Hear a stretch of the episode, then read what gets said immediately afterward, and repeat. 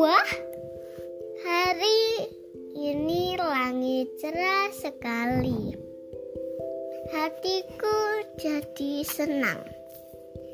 Aku ingin bertiup kencang. Ah, gumam ratu angin barat. Fuh, tiup ratu angin barat. Asyik serunya. Tetapi, wah, di bawah ada ratu bidadari dan teman-temannya. Topi, mereka tertiup semua. Aduh, topiku. Itu topiku yang paling bagus, teriak mereka panik. Nirmala segera terbang menemui Ratu Angin Barat. Tapi teman-teman Ratu Bidadari tertiup angin cerita Nirmala. Oh, Ratu Angin Barat jadi merasa bersalah. Ia lalu turun dengan kursi awannya.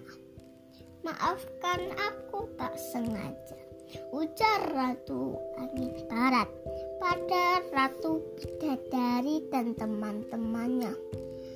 Tak apa, jawab Ratu Bidadari ramah. Oki, Nirmala, dan para dayang lalu sibuk mencari topi-topi itu. Ada yang mencari di semak-semak dan di dahan dahan pohon.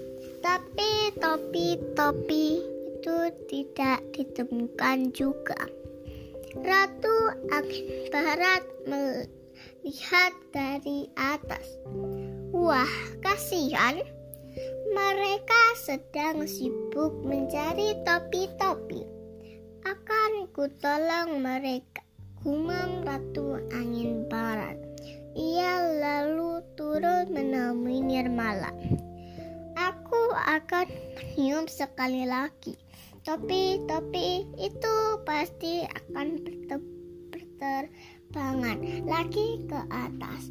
Nah, saat itu kalian harus lihat di mana topi-topi itu berada.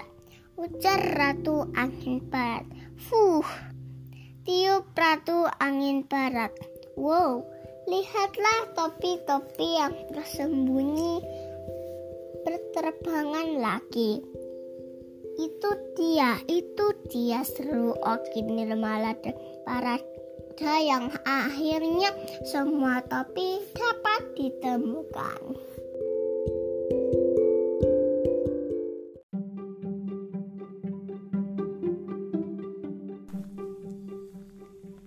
Hujan deras turun di negeri dongeng. Air membanjiri rumah para kurcaci.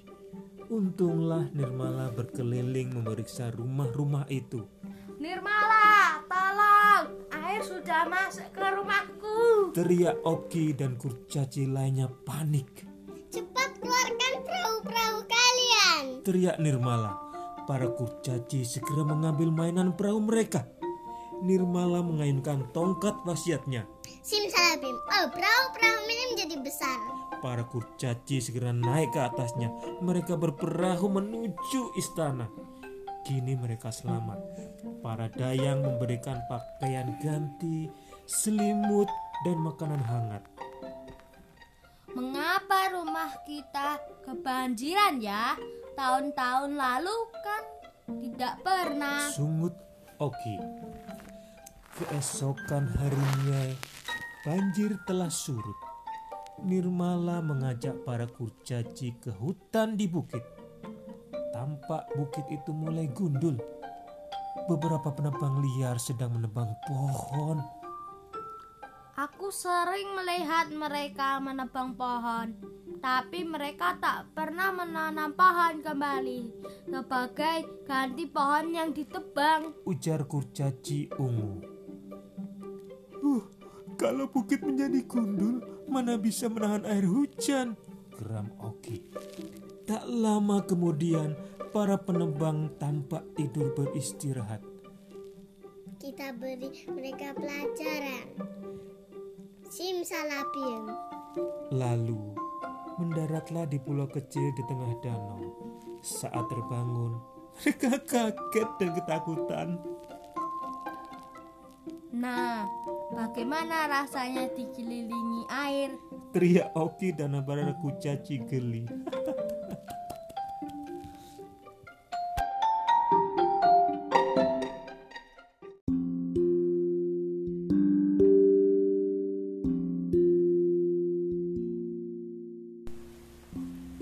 Udara sangat panas.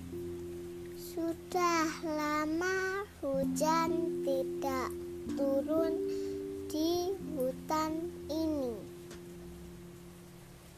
Air sungai pun mulai kering.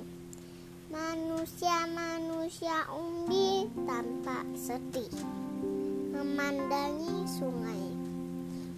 Kasihan ikan-ikan ini Nirmala tolonglah agar hujan bisa segera turun hutan ini ujar mereka Nirmala mencari akal tunggu sebentar ya ujarnya lalu terbang Nirmala mencari awan-awan di sekitar hutan itu.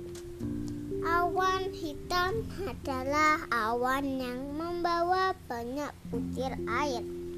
Nirmala akhirnya menemukan awan-awan hitam di atas. Wah, kalau begitu hujan akan turun di laut, tak akan sampai ke hutan. Gumam Nirmala sambil mencari akal. Ah, untunglah Nirmala mendapat ide. Ia mendatangi Ratu Angin Barat. Ratu, tolong tiup awan-awan hitam ini ke arah hutan. Sungai di sana sudah hampir kering. Cerita Nirmala. Ratu Angin Barat memang baik. Fuh. Ia meniup awan-awan hitam itu sehingga bergerak menuju ke arah hutan. Nirmala terbang kembali ke hutan.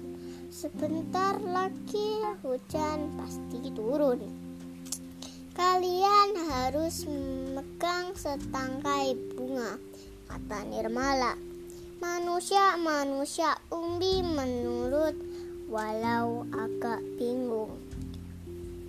Tes-tes, Oh, betul. Hujan mulai turun. Nirmala segera menyulap. Sim salabim. Wow, bunga-bunga tadi menjadi besar. Mereka kini mempunyai payung yang indah. Tamat.